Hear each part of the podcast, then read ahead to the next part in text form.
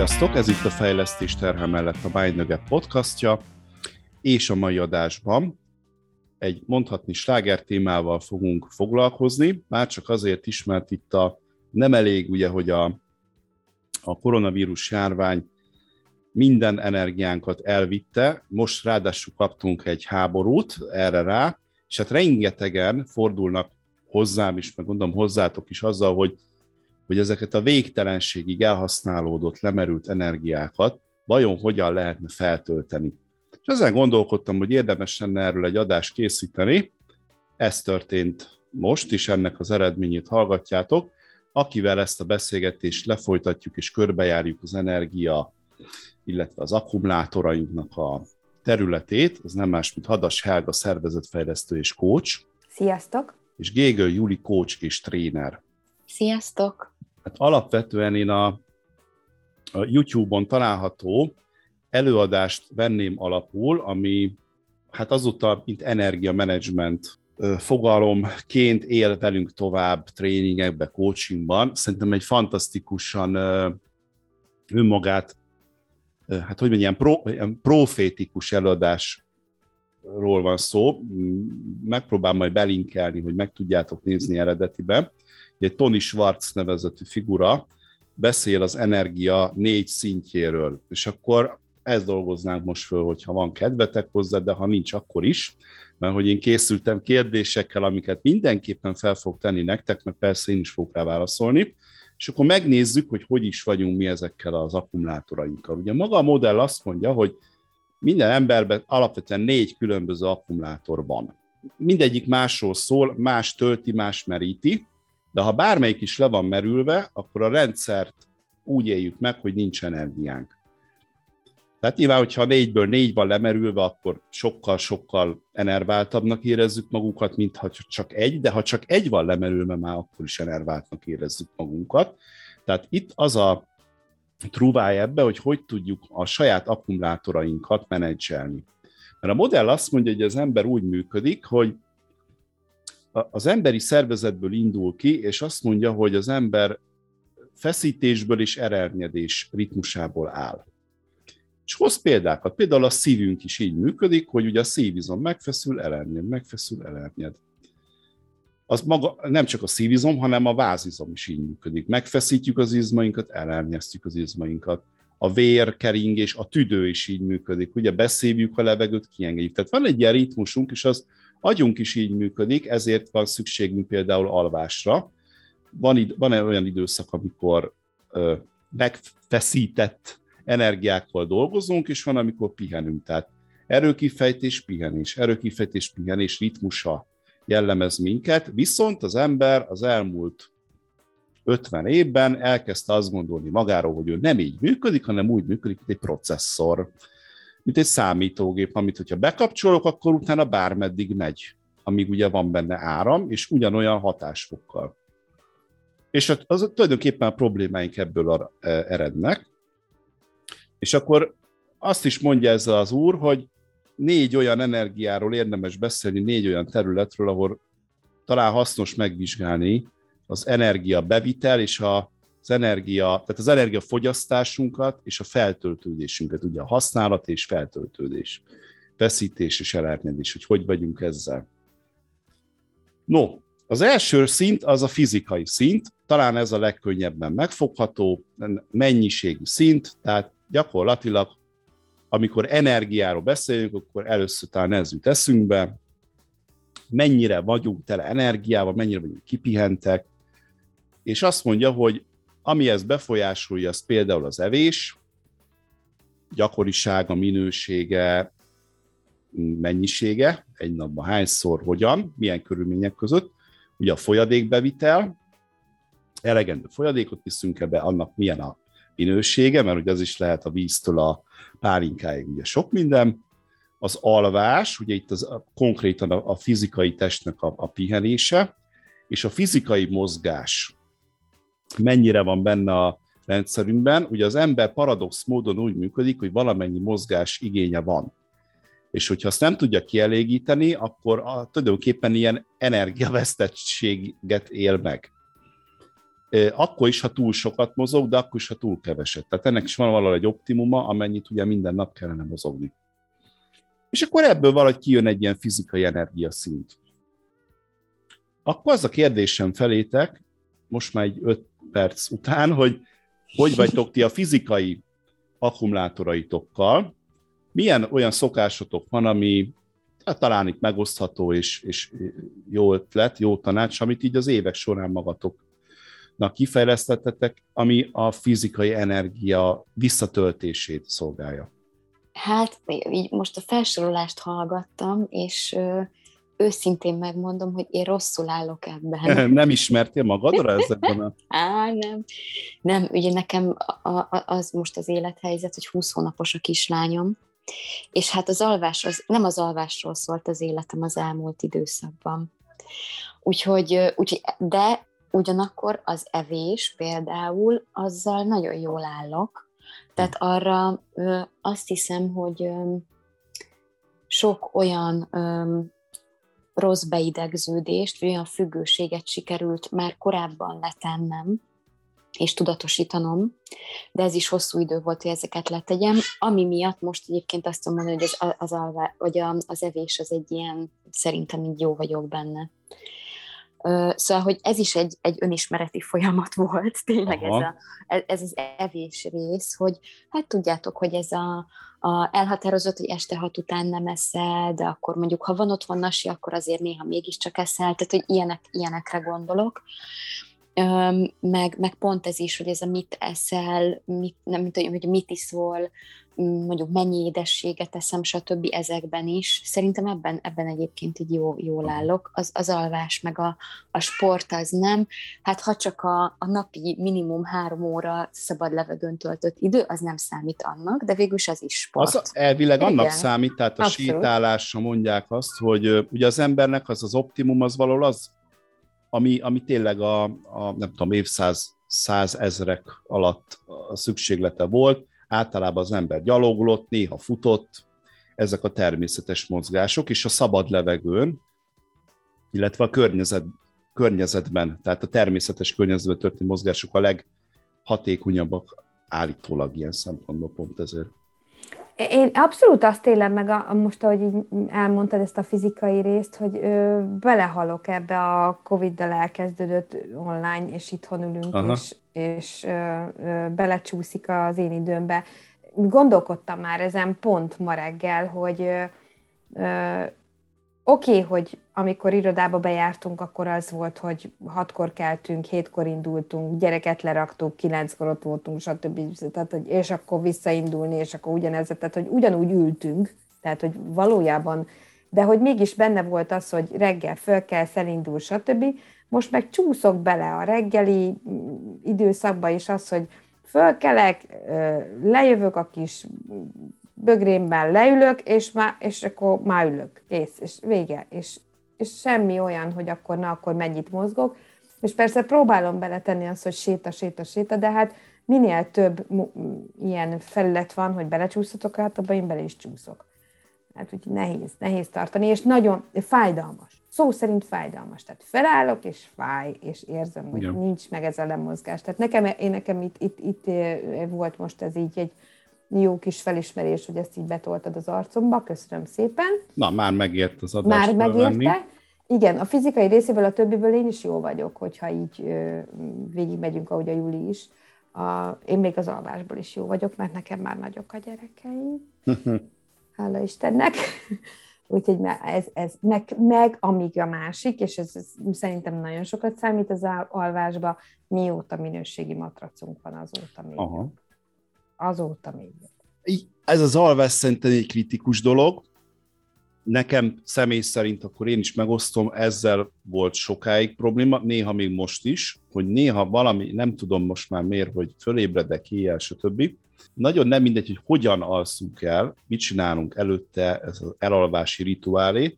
Tehát aki például ilyen energiavesztett állapotot érez, amiatt, mert hogy nem tudja kipihenni magát éjjel, és mondjuk nem a kisgyerek miatt, szerintem az egy adottság. Hát, hanem, hanem mondjuk kattog az agya, fölébred, mit tudom, most nekem pont most volt ma, hogy fél ötkor fölébredtem, és pont úgy volt, hát vissza is aludhattam volna, de akkor már nem. Na, de hogy ilyen van, de hogy például azt tudják mondani, hogy ne ingereljük magunkat, ha nem muszáj lefekvés előtt, mobilozással, gondolkodással, hanem legyen valami ilyen, ilyen levezető. levezető, vagy olyan, ahol nem kell koncentrálni, mondjuk valami olyan nem szakirodalom olvasás, hanem valami szép irodalom, vagy valami zenehallgatás, vagy bármi, ami, ami nem ezt a fókuszált üzemmódot váltja ki belőlünk, hanem, hanem ezt a kicsit az a szemlélődő üzemmódot, és akkor lehet ugye relaxálni, stb.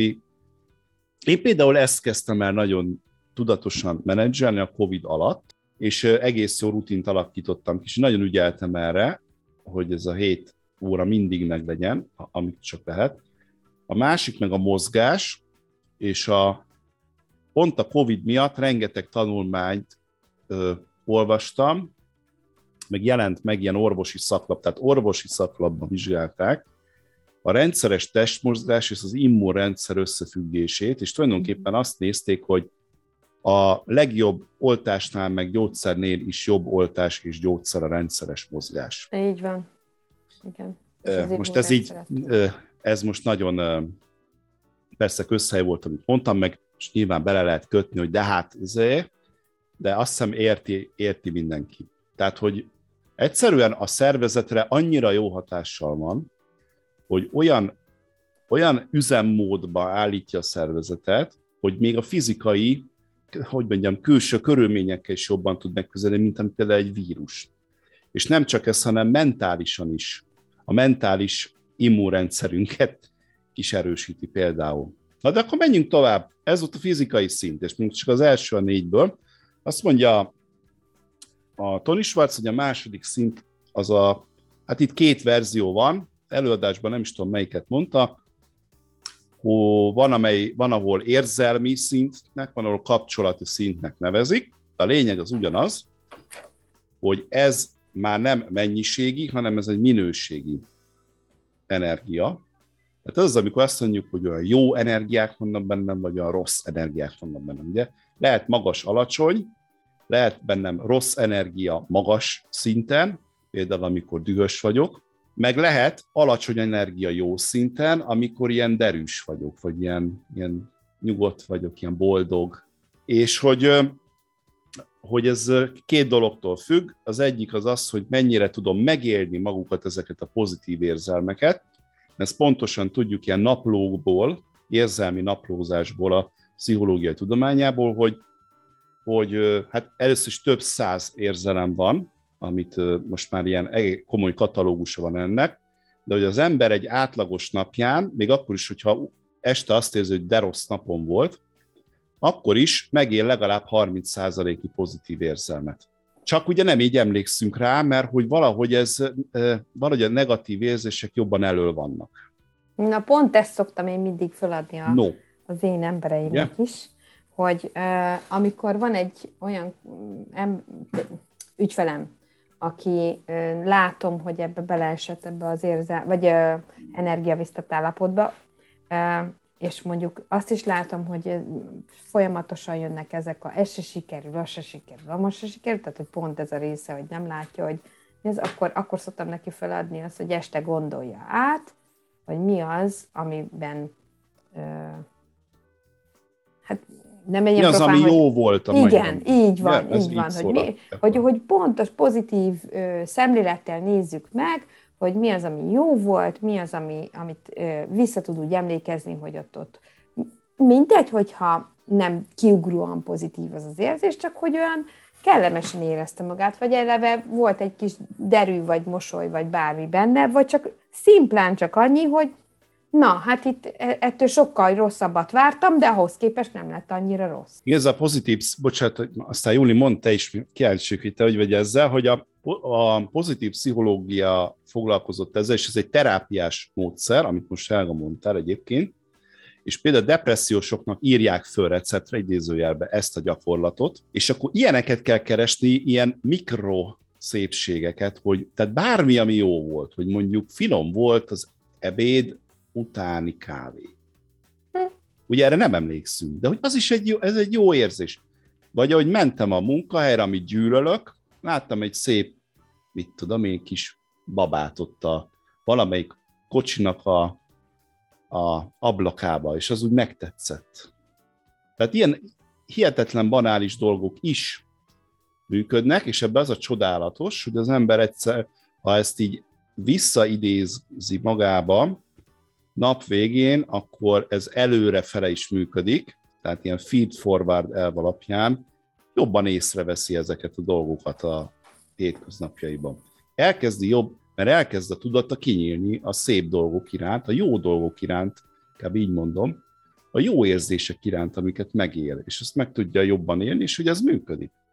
Olyan nagyon, nagyon olyan nyálasan hangzik ez az egész, de, de működik. Tehát akkor miért ne csináljunk? Na Júli, hogy te hogy töltöd vissza a érzelmi energiáidat? Szerintem erről meséltél még valamelyik évzáró adásban is. Igen, igen, szerintem ott már erről beszéltünk, pont, pont egy, akkor ajánlottam az egyik filmet ehhez a témához. Mm, nekem a, a hálaadás azt hiszem az ide tartozik minden este, uh-huh. összeülünk a, a férjemmel, és akkor átbeszéljük, hogy, hogy ki miért ad hálát aznap, és akkor ez, ez, ez, ez pont ezért jó, mert hogy nem csak végig gondoljuk a napot, hanem akkor már egy nyugodt fejjel azt is, ami mondjuk nehezebb volt, azt is egy kicsit nyugodt fejjel átgondoljuk, és, és, és akkor meg lehet találni, ha nem is abban, de utána, hogy mi az, ami ilyen hálaadós. A másik meg, hát megint csak így az anyai mi voltomból fakadóan innen jönnek a példák, hogy, hogy borzalmas napokon két dolog tud kihúzni abból, hogy, hogy elegem van, és nem bírom tovább, és stb. Nem folytatom. Az egyik az az, hogy hogy eszembe jut, hogy ez is elmúlik egyszer. Tehát, hogy, hogy, hogy így emlék, emlékeztetni magamat arra, hogy igen, most ez lehet, hogy így érzem, és lehet, hogy így is van, akkor a legjobb dolog, amit tudok tenni, hogy elengedem ezt a mai napot, és azt mondom, hogy jó, ez most így sikerült, bosszankodás, nem érünk oda időben, már rég el kell, lemondom, akkor, hogy teljesen mindegy, elengedem, és akkor a mai nap az ilyen, majd holnap akkor újra kezdjük, és holnap tiszta lap van. Uh, és, és a másik pedig pont ezek az apró dolgok, amiket mondasz, hogy amikor, amikor nehéz nap van, a nap az akkor is süt. Tehát akkor van egy babakocsitolás közben két perc, amikor azt élvezem, hogy a nap az, a, az az arcomra süt, és milyen jó, hogy meleg, vagy, vagy hogy kinyíltak azok a virágok, amik mellett minden nap elmegyünk, uh, de eddig még, még nem nyíltak ki, de ma mára kinyíltak, és ez mennyire szép tud lenni. De jó ezt így hallgatni, de tényleg. Igen. Teljesen elmerült. Ma már én is föltöltöttem ilyen. Igen, tehát pusztán szerintem, hogy most ezt hallgattuk már, tehát érezzük, hogy így töltődik, mert ehhez kapcsolódik egyébként még mindig ez a szinten, van, hogy a legtöbb pozitív érzelmet egymás társaságában él, éljük meg. Igen. Mivel az ember az egy társas lény, ezért úgy működik, hogy és gondoljatok bele, hogy ha olvasol egy viccet otthon egyedül, akkor nevetsz rajta. Viszont, hogyha haverokkal együtt ugyanazt a viccet valaki elmeséli, akkor leesel a székről annyira, annyira és ezért van felerősíti a pozitív érzéseket, ezt meg is mérték, tehát ez tényleg így működik, hogy a pozitív érzéseket felerősíti, és akkor ezzel lehet így játszani, mert hogyha azt érzed, hogy most per pillanat se kávé, se virág, se gyerek, se semmi, tehát tényleg semmi nem történt ma, amire így emlékeznél, és most már délután négy van, akkor még mindig meg lehet tenni, hogy fölhívsz egy kedves barátot, vagy egy kedves rokon telefonon, vagy ilyen videó hívásba, és beszélgettek egy fél órát. Én ezt úgy szoktam hívni magamnak is, meg az ügyfeleknek is, attól függ, hogy hogyan, hogy ö, puha melegeket adok kifele így magamból, ami abszolút vissza is jön. Tehát, hogy neked is olyan jó kis puha meleg, amikor visszajön. És nem tudom másképp hívni, én ezt így hívom, hogy ilyen megy, és akkor mint hogy fölhívom, vagy így rágondolok, vagy így akármi, és akkor megy így ez az a puha meleg. Mert, mert hogy az érzés maga, ami megérkezik, az ez nekem. És ezért ezt úgy hívom. De valahogy szimbolizálja is szerintem azt, mert arra emlékszem mindig, hogy mm, volt egy olyan munkaköröm, amiben borzasztóan motivált voltam. Az első munkaköreim egyike volt, és hihetetlen módon büszke voltam magamra, hogy én ezt ott, és, és én, és én tudom, és, és megyek, és minden nap olyan hihetetlen energiával fogtam bele a munkába, három éven keresztül még ott voltam, hogy egyszer úgy megkaptam a, a kollégáimtól, hogy te hogy bírsz minden nap vigyorogni? De hogy? És akkor vettem észre, hogy tényleg rajtam, ez így rajtam maradt, hogy én attól a pillanattól kezdve, hogy én ott voltam, minden reggel úgy mentem be, és akkor a, nem tudtam így mind hirtelen mit mondani, és utána el, azt mondtam nekik, hogy tudjátok, ez egy döntés kérdése. Az érdekes, a, most nem biztos, hogy jól mondom, a angolosok javítsanak ki, csak eszembe jutott, hogy angol nyelven van egy ilyen szólás, hogy you put a smile onto my face, tehát így mondja az angol, hogy mosolyt tettél a számra. Ugye mi nem így mondjuk, hanem azt úgy mondjuk, hogy nem tudom, megnevettettél, vagy mosolygás uh-huh. váltották ki, vagy mosolygás a kész. De hogy az angolban milyen jobb benne van, hogy oda tette, mint te, te oda tetted a számra az, a mosolyt. Igen. Hogy ebben szerintem ez is benne Mosolyt van. Mosolyt csal az arcomra. Csal. Ja, az arc, magyarul, magyarul. csal. Úr Köszönjük, Júli, hogy lefordítottad. De nem az, De... hát ugye a konnotáció. Nem, hanem hogy magyarul így. Hogy csal, csal ugye, az igen. egy csalás.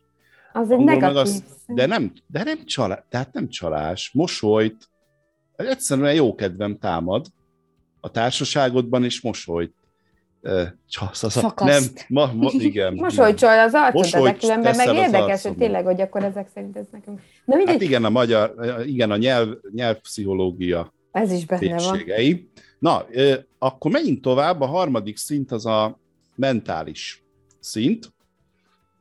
És a mentális szint alatt tulajdonképpen a, hogy mondjam, az agy működést kell érteni olyan szempontból, hogy az a fó, mennyire tudok fókuszált maradni. Hát az agyam persze működik mindig, nem, nem erről van szó, de hogy, hogy amikor ilyen szellemi munkát végzek, ugye agymunkát. Általában szerintem a legtöbbünknek ilyen a mindennapja munkavégzésben, hogy leül a gép elé, és akkor dolgozik.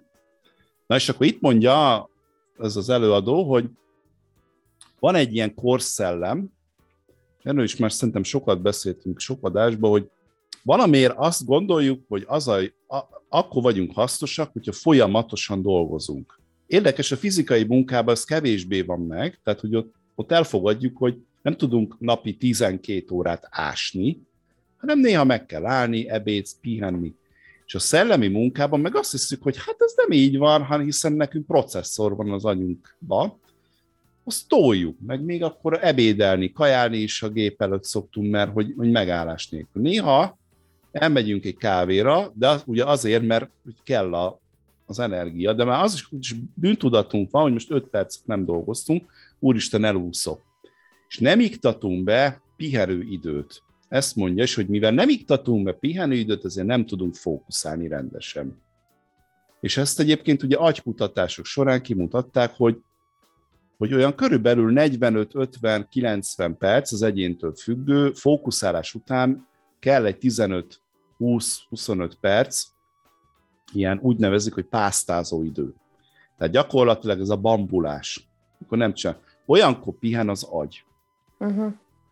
10-15 perc is elég. Tehát a fókuszált agy, ö, működés után kell, hogy legyen, kell, hogy kövesse egy epizód, amikor elernyedünk, amikor elengedjük magunkat, és nem csinálunk semmit. És akkor ugye itt is szoktunk csalni, hogy jó, ugye home office meg pláne, hogy oké, okay, akkor most nem tudom én, elmosogatok. elmosogatok. Mondjuk a mosogatás az még, az még talán ilyen pásztázó üzem volt, de hogy valamit akkor rendet rakok, tudod, és akkor igen, megyek. Akkor megint az, az nem olyan pásztázó, hogy valami olyasmit csinálok, hogy lemegyek a boltba, vásárolok, nézem, mi mennyibe kerül, tehát az is ugyanúgy munka.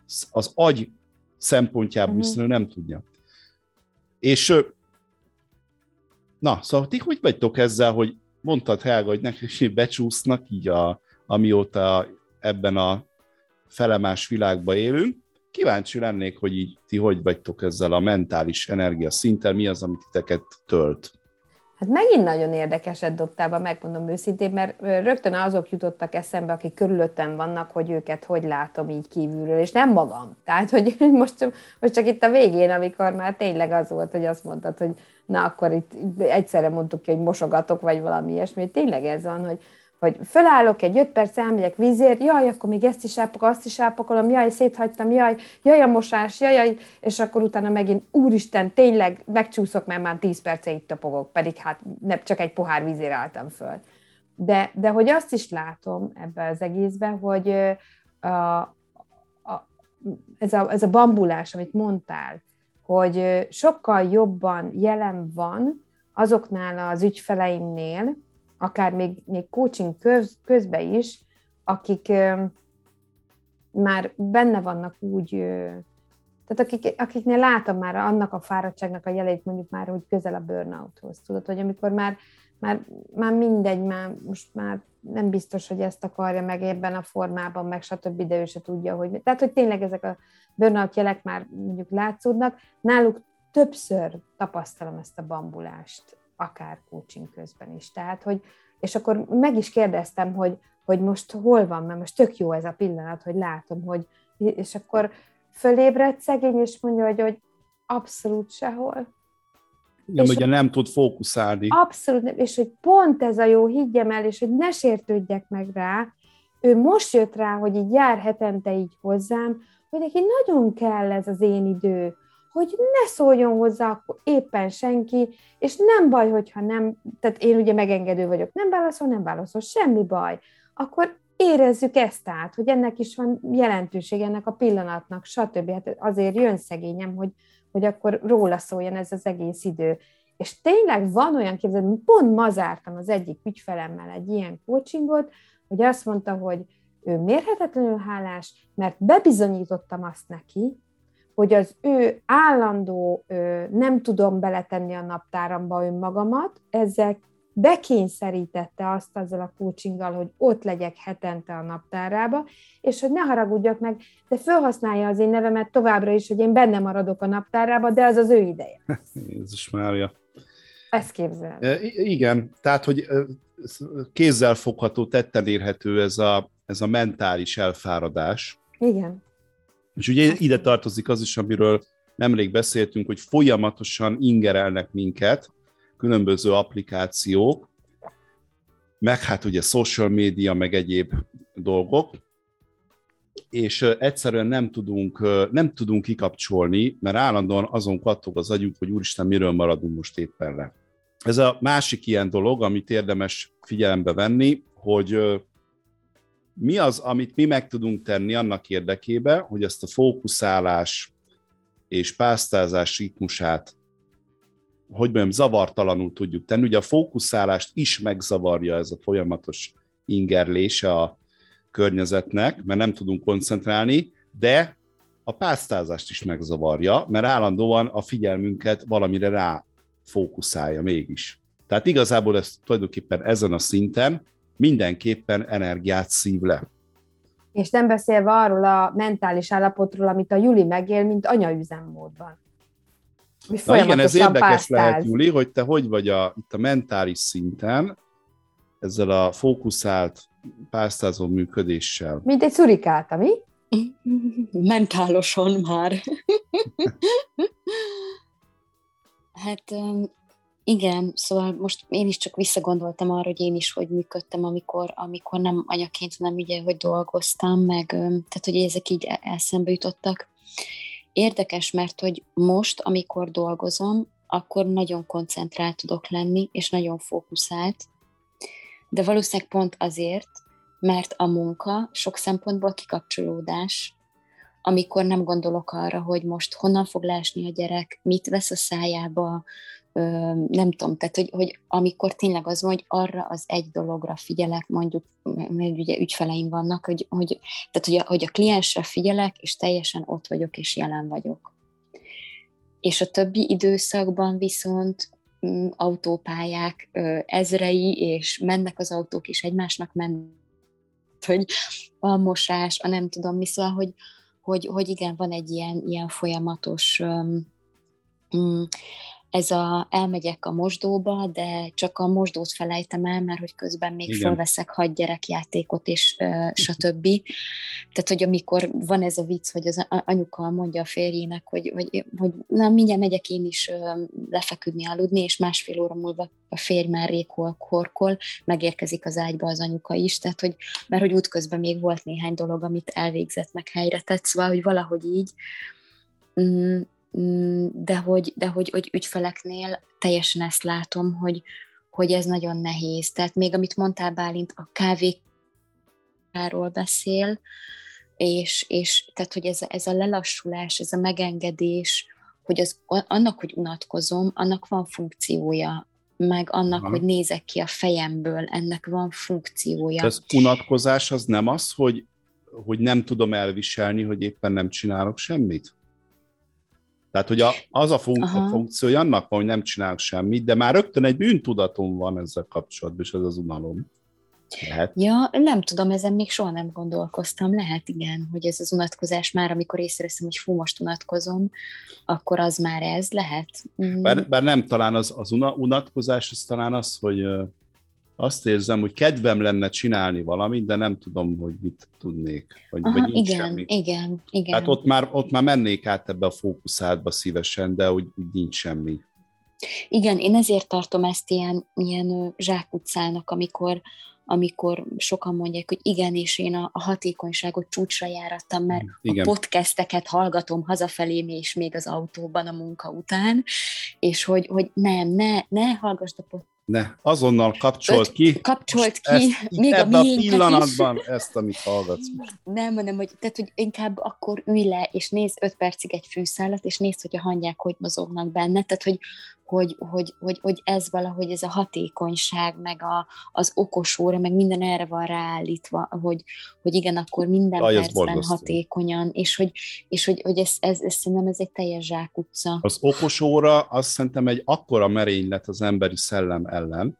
Tehát ott van előttem az a ö, kollégám, partnerem, nem tudom, aki így beszélek, és akkor látom, hogy így meg kliensnél is, hogy, hogy így megvillan igen, az óra, és igen. megvillan az óra, meg gondolom kapott valami e-mailt, és akkor csak annyi, hogy látom, mert ő látja a szemes sarkába, hogy megvillan, és tudod, ilyen reflexzerűen oda néz, ránéz, de közben eszébe jut, hogy ja, de most beszélgetünk, tehát ez a rettenetes, lá, nem, az, tehát nem a tiszteletlenség, hanem borzasztó látni, hogy még ez, hogy ott van a csuklódon, tehát még azt se tudod tenni, hogy mint Egy a telefon.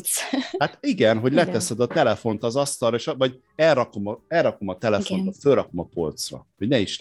És nem, mert ott van a kezeden. És ez megint ugye megzavar, tehát igen. nem tudsz odafigyelni, de igazából a tevékenységgel se kezdesz semmit, nem. mert hogy, mert hogy, mert hogy most láttad, jó. de igen, tehát hogy na, igen. Na, akkor megy, hogy mi mire jó, meg miért van, erről szól a negyedik színpont, úgyhogy témánál is vagyunk. Ezt úgy nevezte el, hogy spirituális szint, de nem kell megijedni, mert nincs nem ilyen ezó izé, hanem gyakorlatilag a, arról szól, hogy az önmagán túlmutató értelme annak, amit csinálok. Tehát le, talán legjobban úgy lehetne megfogni, hogyha egy, ha elképzeljük azt, hogy egy olyan munkahelyen dolgozunk, aminek azt érezzük, hogy amit csinálunk, annak igazából semmi értelme számunkra. Nem a mi utunk, a tevékenység maga nem tölt el örömmel, amit csinálok, annak nem látom a, az eredményét valójában, hogy attól miért lesz jobb bárkinek is. Ha ilyesmiket csinálunk, akkor még akkor is enerváltnak érezhetjük magunkat, ha egyébként jó a fizikai szint, jó az érzelmi szint, jó az a fókuszási szint, de érezzük, hogy valami hiányzik. Hiányzik ez a miért. Vagy miért csinálom ezt, amit csinálok. Erről szól ez a szint. És itt eszembe jutott, amikor így készültem, hogy nagyon szeretem az Ellen Wattsnak van egy, hát az Ellen Wattsnak rengeteg ilyen előadás részlete van a YouTube-on, hogy akit érdekel, az nyugodtan keressen rá, és ezt nem fogom belinkelni, de hogy mondott egy érdekes gondolatot, hogy ugye arról szól a gondolat, hogy hát érdemes követni a, azt az elhivatottságot keresni, hogy mi az, ami hív minket mi az, ami számunkra fontos, és azt csinálni, amivel szenvedélyt érzünk. És azt mondja, hogy de ugyanakkor meg az emberek mégse ezt csinálják, és ezzel példát mutatnak a saját gyermekeiknek, mindenképpen példát mutatnak, de azok a szülők, akik például valami olyasmit csinálnak, amit így nem nagyon szeretnek, azok kétféle példát is mutatnak. Az egyik az az, hogy hát dolgozni ilyen, hogy azt az ember úgy nem szereti. A második példa, amit mutat, az meg az, hogy így kell a gyereket nevelni, vagy így kell neki példát mutatni. Tehát, hogy ez egy oké, okay, hogy én ezt átadom az én gyerekemnek, és akkor az ő gyereke is így fogja az ő saját gyerekét. És ki, kialakulhat egy ilyen kör. Na, és akkor, mikor én ezt el szoktam mondani, akkor még egy-két ilyen hang előjön, mondjuk tréningen, hogy ez nagyon szép meg minden, de akkor ezek szerint ö, nem lennének szobafestők, ugye, vagy csatornatisztítók. Mert akkor egy tökéletes világban mindenki a saját miértjét, ugye a magasztos célját követni, de akkor ki fogja a kukát kiönteni, a csatornát kiszippantani, meg uh, egyéb dolgokat. Helga, mit gondolsz erről?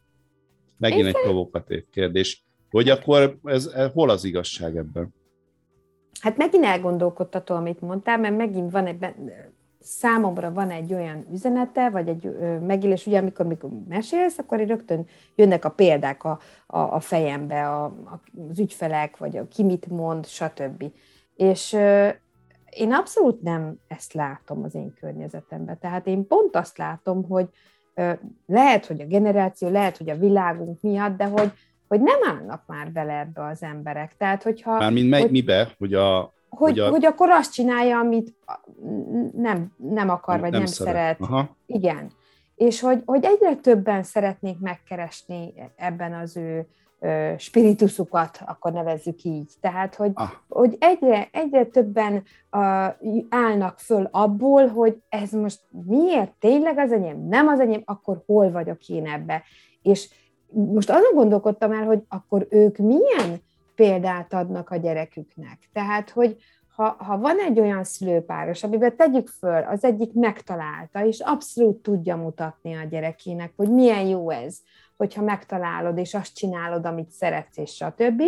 De van mellette mondjuk egy olyan ö, másik szülőpár, aki, aki meg pont nem. És még jobban frusztrálja az, hogy a másik megtalálta, ő meg nem, nem talán, szóval, hogy így akkor mi van? Akkor mi, most milyen példát ad a gyereknek? Tehát Ez nagyon nem... érdekes, mert saját példa jutott eszembe, az én néha édesapám mindig is autószerelő szeretett volna lenni, de pekére volt egy családi vállalkozás, vagy hát akkoriban még ugye nem volt ilyen, a 50-es években, de minden esetre egy, a család az egy ilyen hát úgy hívják, ilyen kemigráfiai fényképészettel foglalkozó, de ezért száz éves hagyomány családba.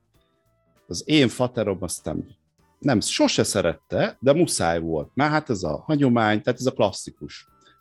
És én, nekem mindig ezt mondta, emlékszem, hogy, hogy de hogy ő lett olyan, jó, olyan annyira szeretett volna autószerelő lenni.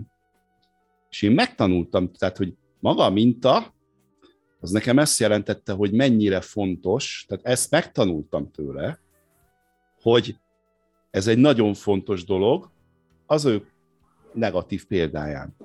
Tehát így hogy az működik. legyél, amit szeret. Igen, mert láttam, hogy mit Na, okoz igen. neki, hogy nem tudja azt csinálni, amit szeretett, amit volna. szeretett volna mindig is.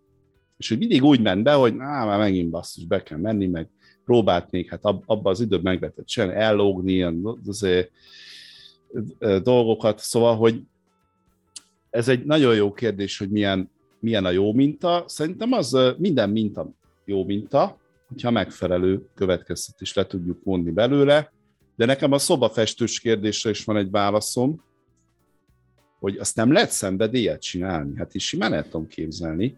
De a, csak nem mindig tudatos. A, most nekem... nemrég voltunk a párommal a, a Délpest szennyvíz tisztítónak a nyílt napján és ö, ott voltak konkrétan, akiket ilyen szippantos kocsiknak nevezett, és ilyen emberek is így sugárzott róluk így a boldogság.